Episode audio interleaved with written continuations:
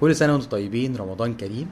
أنا دكتور مصطفى النحاس طبيب نفسي وسعيد جدا يكون أول بودكاست عربي عن الطب النفسي. وبما إننا قاعدين في البيت وقعدتنا في البيت مطولة شوية ورمضان السنة دي مختلف شوية فقررنا ندخل معاكم جوه بيت العيلة نتكلم عن كل فرد في العيلة عن التحديات اللي بتقابله عن المشاكل اللي عنده عن الاحتياجات إزاي نحل مشاكلنا معاه. هنتكلم بتفاصيل التفاصيل. هنكون معاكم كل يوم جوه بيت العيلة ومعايا أشطر محاورة في مصر زوجتي الحبيبة مروة علي.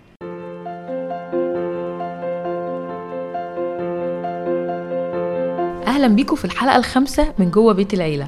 إحنا لسه في الأسبوع الأول من رمضان وماسكين الأب راس حربة العيلة. النهارده هنتكلم على أنماط الأبهات. آه، طبعا إحنا هنتكلم في البداية قد إيه الأبهات آه، كويسين. كائن هن-. طبعا. قد إيه الأب هو كائن كويس؟ فاحنا عايزين نتكلم بس عن النماذج الكويسة فقط. مش هنتكلم عن أي نمط سلبي مش هنتكلم عن أي نمط غير صحي أيوة. أو إن إحنا لا قدر الله بنشوف نمط مش كويس. أيوه أيوه. اما كده هنخلص الحلقة في ثانية. النمط الكويس ده واحد. الباقي كله بقى اللي بيملى.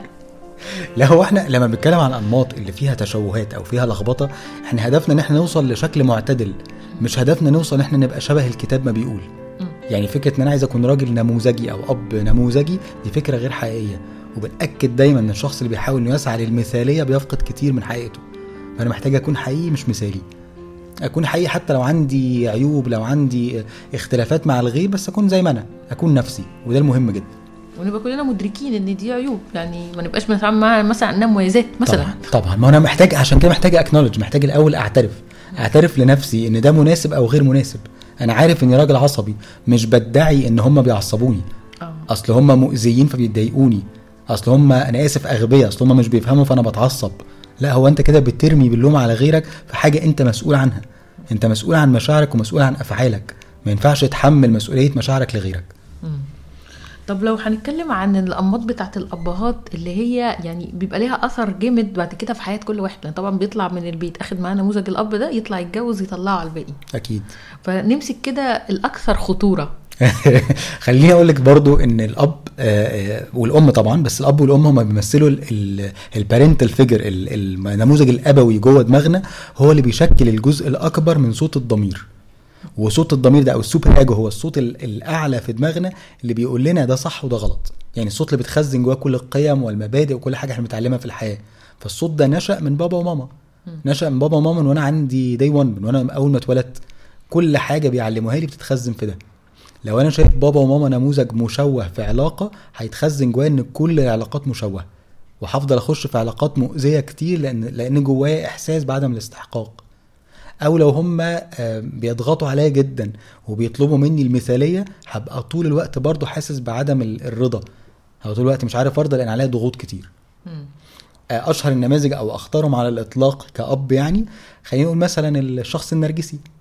يعني الشخص النرجسي من الأنماط ال- المتعبة جدا جدا للي حواليه. وبيعمل إيه الأب النرجسي ده؟ الأب النرجسي هو عنده حب مشوه للذات. يعني هو مش بيحب نفسه هو مش عارف يحبها. فالحب المشوه ده بيكمله بكل ما هو حواليه. هو ما عندوش مشاعر يعني مشاعره جافة جدا ومشاعره صلبة. يعني الشخص النرجسي ما بيعرفش يحب ما بيعرفش يتعاطف. فكرة ال- التعاطف بالنسبة له صعبة جدا. فمش بيعرف يحس غير بنفسه. يعني بنشوفه في إيه مثلا في علاقات ال- الأب بولاده أو بأسرته بمراته مثلا؟ إن هو أنا ومن بعد الطوفان. آه. هو طول الوقت مهتم بنفسه مهتم باحتياجاته هو وباللي هو عايزه. لابس براندات وم- ومطنش الباقيين. ومش عايز حاجة مش مهم عنده حاجة تانية. يعني احتياجات البيت دي عنده رقم ألف. بس هو رقم واحد وكل احتياجاته رقم واحد. وطول الوقت هو عايز يتبسط ويستمتع ومش مهم اللي حواليه عايشين إزاي. okay. يعني هو مش فارق معاه غير نفسه بس. منفصل عنهم تماما. منفصل عنهم على مستوى مشاعره. يعني لو حد بيتألم في البيت هو مش حاسس. آه. لو حد عنده أزمة في البيت هو مش حاسس. هو اللي يفرق معاه حاجة واحدة بس؟ إن كل فرد في الأسرة بيؤدي وظيفة زي ما هو عايز. تتم بالشكل اللي هو عايزه بالطريقة اللي هو عايزها وشكرا. أول ما حد يحيد عن ال plan اللي هو حاططها أو عن الوظيفة دي بينال من العقاب أسوأ الدرجات. إيه ده؟ أنا حاسة أنا شايفة وشوش معينة. يعني في ناس حوالينا فعلا طبعا يعني. في ناس حوالينا كتير. طبعا يعني. والأب النرجسي طبعا عنده استعداد إن هو يضرب وعنده استعداد إن هو يأذي وعنده استعداد إن هو يهين. يعني ما عندوش مشكلة خالص إنه يوجع اللي قدامه بحاجات يعني يتك اللي قدامه على زرار النقص اللي فيه ويحسسه بالدونية. يحسسه إنه شخص قليل وشخص غير مرغوب فيه. ونتعامل معاه إزاي؟ آه، هو مشكلة الشخص النرجسي إن التعامل معاه صعب شويتين ثلاثة بس أنا محتاج أبقى فاهم على الأقل مفاتيحه. أبقى مدرك إن الشخص ده مش هيجي لك منه validation مش هيجي لك منه تقدير على مستوى المشاعر. يعني مشكلتنا مع الأب النرجسي إن إحنا بنطالبه طول الوقت إن يحس بينا.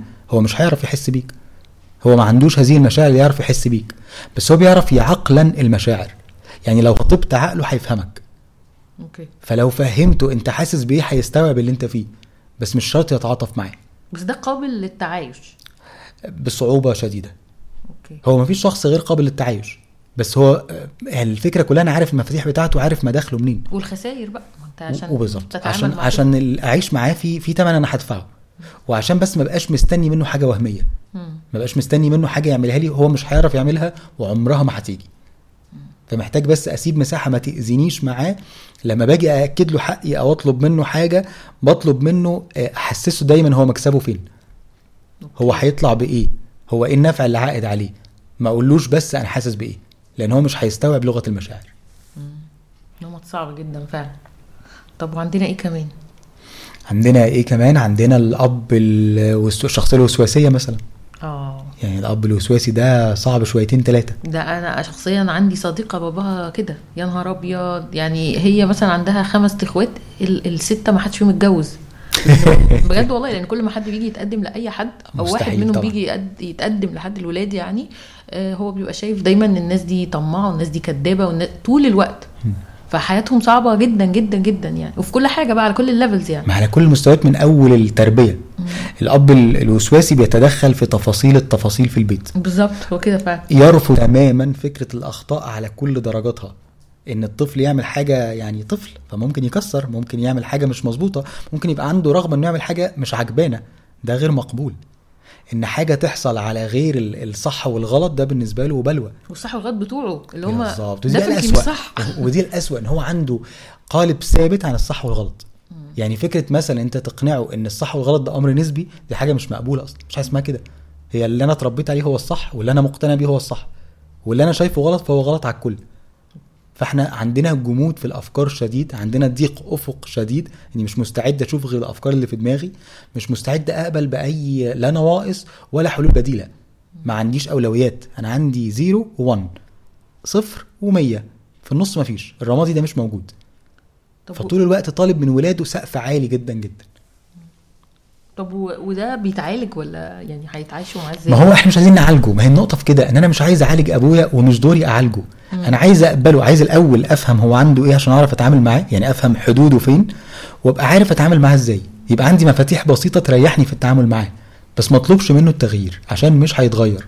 ما هي الم- المشكلة إن الأب في الآخر يعني هو قائد المكان فأنت يعني مضطر تتعامل معاه لأنك يعني عندك متطلبات منه كمان. صحيح. ف...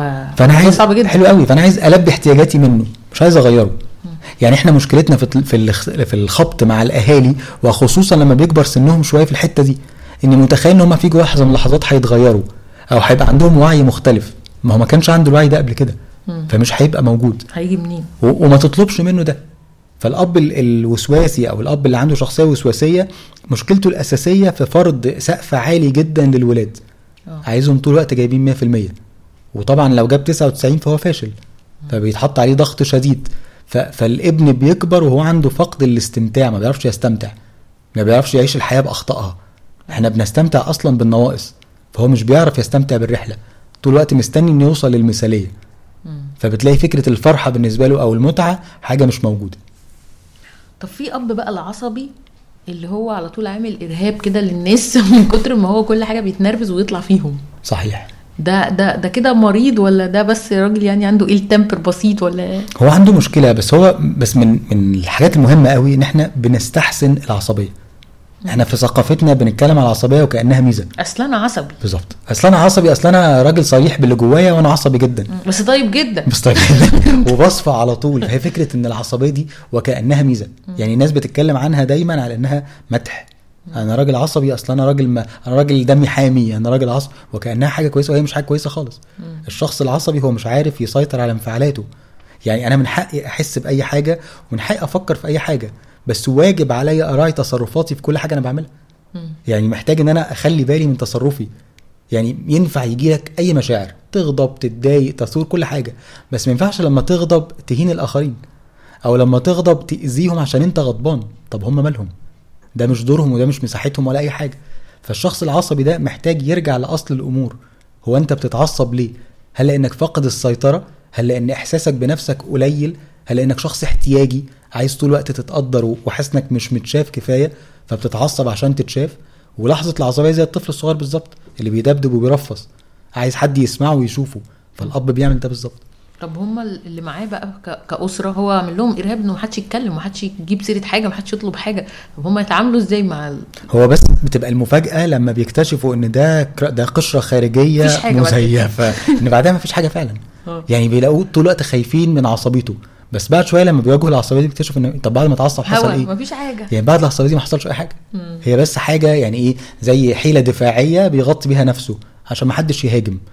فهو يبقى بيستبقهم بخطوة بالهجوم. بس بنكتشف إن لما بتيجي في يوم من الأيام الزوجة تواجه عصبيته دي إن هي ترفض ترفض مثلا إهانته أو ترفض شتيمة أو ضرب أو أي حاجة. لما بترفض ده بتلاقي إن هو ينفع جدا إنه يرجع خطوتين لورا. ونفس الشخص ده في شغله أو في علاقات أخرى بيعرف يفرمل نفسه.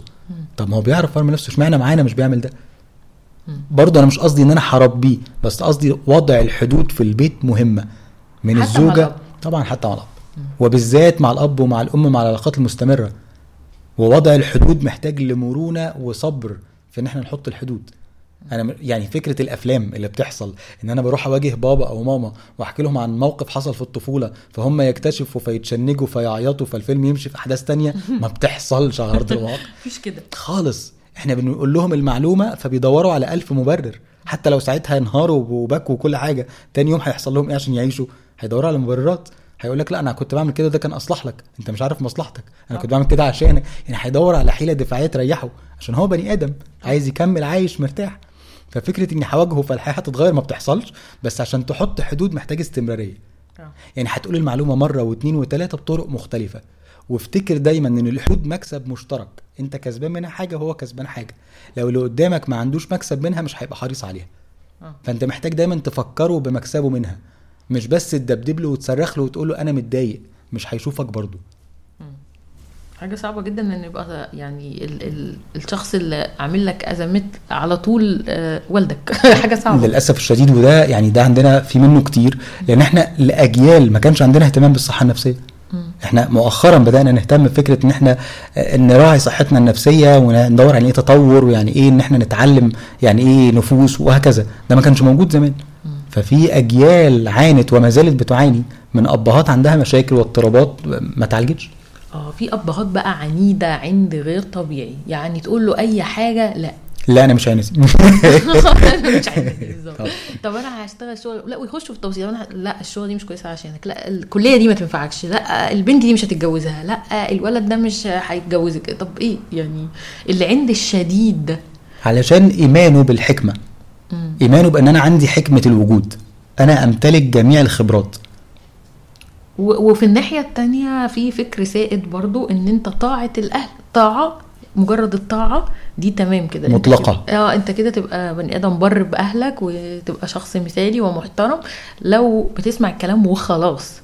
ما هو أصل هو سمعان الكلام معناه إيه؟ مع سمعان الكلام معناه إن حد بيقول لي على معلومة فأنا بمشي عليها. طب لو حد بيقول لي امشي على على حاجة مثلا آه، على شوك امشي على سكاكين هتعورك. هل أنا هقدر أسمع كلامه؟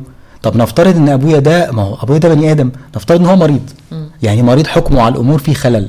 هل أنا واجب عليا طاعته؟ مين قال الكلام ده؟ هو النهارده عشان أبره محتاج إن علاقتي بيه تكون محترمة. يعني أحافظ على التواصل المحترم وال... وال... وعلاقتي بيه الكويسة اللي فيها رحمة وحب وود وكل حاجة. بس نفترض إن ما عنديش مشاعر ناحية أبويا. يعني اتأذيت منه لدرجة إني مش قادر أسامحه فمش قادر أحبه. طب أعمل إيه؟ مم. يعني اللي أقدر أعمله إني أعمله كويس. لو أنا قادر أعمله كويس. يعني اتقي الله ما استطعت. يعني ربنا لما أمرنا بعبادته قال لنا ما استطعتم. أكيد مش هيأمرنا مع العباد بأكتر من طاقتنا. فاللي إحنا قادرين عليه هو الحد هو ده اللي نقدر عليه. هو دي المساحة اللي قادرين عليها.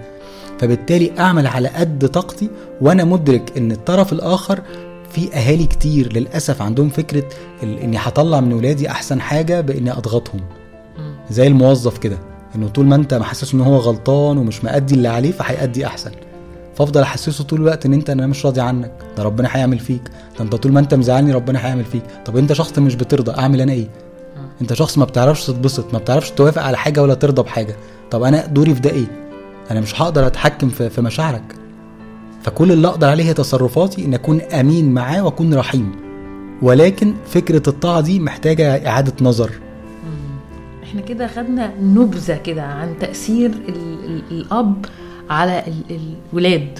الحلقة الجاية بقى عايزين نتكلم عن ال- التأثير والجروح واللي بيسيبه عند ولاده. ده كتير جدا جدا طبعا. دي هتبقى آخر حلقة الحلقة الجاية في سلسلة الاب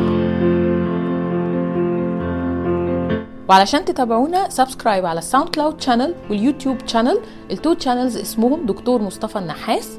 وكل يوم سبت الساعة 2 الظهر خلال رمضان هيبقى عندنا لقاء live نجاوب فيه على أسئلتكم.